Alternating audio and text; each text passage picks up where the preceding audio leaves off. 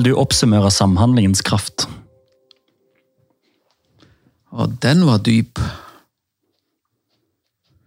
Eh, jeg Kanskje jeg skal Kanskje jeg skal sette billedliggjøre igjennom det jeg, bruk, liker å bruke når jeg skal beskrive individet og laget. Og det er eh, tatt med utgangspunkt i Tage Danielsens, en folkekjær svensk eh, artist og sanger og tekstforfatter, som døde på 80-tallet. Men eh, han skrev noe om den dråpen som har ingen kraft å flyte selv og det stilles et krav på hver enda dråpe. Hjelp å holde de andre oppe. Og det er litt sånn vi ser på individet og laget hos oss. Vi, hver og en av oss er bare en dråpe. Noen kan være i perioder litt større dråpe, fordi de har større rolle, kanskje litt viktigere rolle, eh, men de er fortsatt bare én. Og vi har ingen mulighet til å nå drømmen og målet hvis vi skal være én og én. En dråpe vil forsvinne i jorda. Eh, men hvis vi er mange nok og holder hverandre oppe, så vil vi få kraft til å flyte. Og da vil vi kunne drive mot målet. Så vi får sitere Tage Danielsen på det. Og hva blir da en vinner for deg? Det er morsomt at du sier eh, jeg har jo endra veldig mening rundt dette og tanker rundt dette med vinner og vinnerkultur ah. og sånn. Jo lenger jeg har vært med, og jo mer jeg har vært, fått lov til å være med på å vinne. Mye mer ydmyk holdning til det. Eh, jeg drister seg nesten til å si at den riktige vinneren, ordentlige vinnere, det er de som håndterer og taper, og som unner andre suksess. Eh, de jeg, av de vinnere jeg kjenner, så deler de gledelig alle sine hemmeligheter.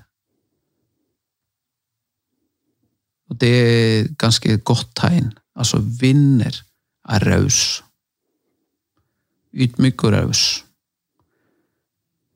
Og så vet vinner også at eh, noen ganger så taper du. Og det handler om å reise seg igjen og lære av det. You learn, you don't lose, you learn, som noen sa også.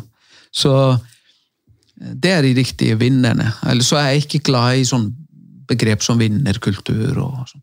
For vinnerkultur er innholdsløst. Det sier bare noe om at man har behov for å definere noe som gjenskaper resultater.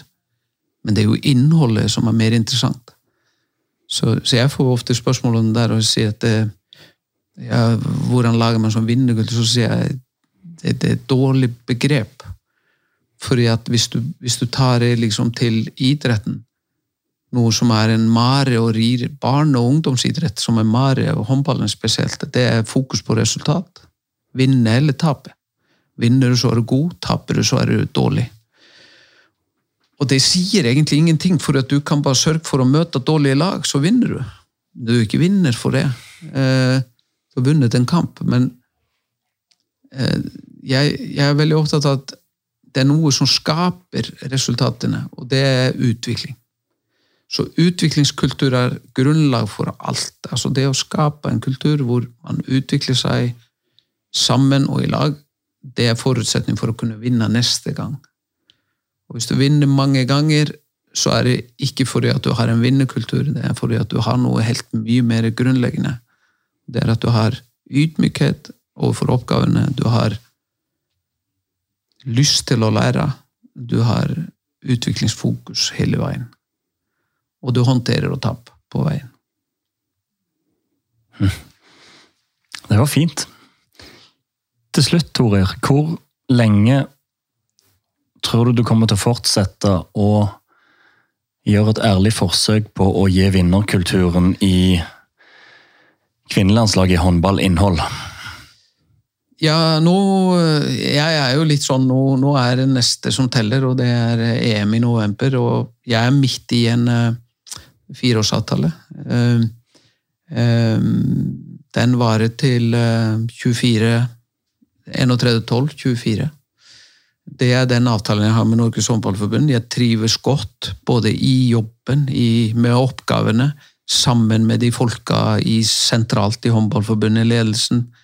Eh, ikke minst da spillerne og teamet rundt. Eh, samarbeidet med Olympiatoppen. Jeg trives enormt godt med det. Eh, jeg liker prosesser, som jeg sa. Jeg liker å jobbe med mål og konsekvenser og forpliktelser og utvikling. Eh, eh, men jeg tror jeg, det er nok å tenke ett år om gangen.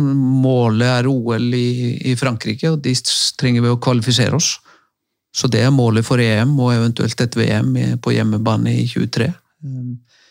Og det tror jeg holder i massevis. Og så får en se om det er liv laga, som jeg sa i sted. Om vi trives i lag, om jeg trives, om jeg er god nok. Om, eh, om et håndballforbund ønsker deg. Det, alt har sin tid. Så, så vi får se.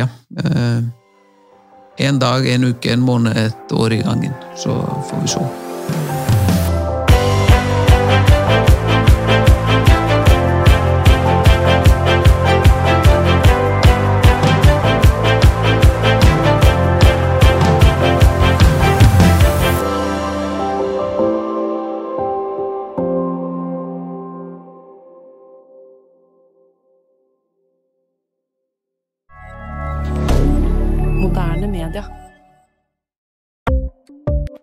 Ukens annonsør er Folio, en smartere banktjeneste for deg som har en egen bedrift eller ønsker å starte for deg selv.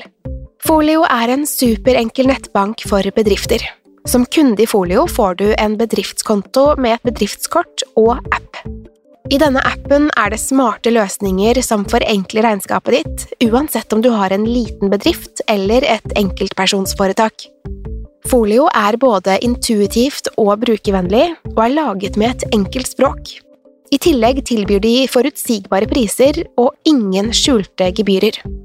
Skulle du likevel trenge det, så kan du snakke med deres raske og hyggelige kundeservice, og der får du prate med en faktisk person og ikke en chatbot. Folio er med andre ord både enklere og koseligere enn banken. Over 10 000 bedrifter har allerede valgt Folio som sin banktjeneste, så besøk folio.no og se hvordan Folio kan forenkle din hverdag også. Har du et enkeltpersonforetak eller en liten bedrift? Da er du sikkert lei av å høre meg snakke om hvor enkelt det er med kvitteringer og bilag i fiken, så vi eh, gir oss her, vi. Fordi vi liker enkelt. Fiken superenkelt regnskap.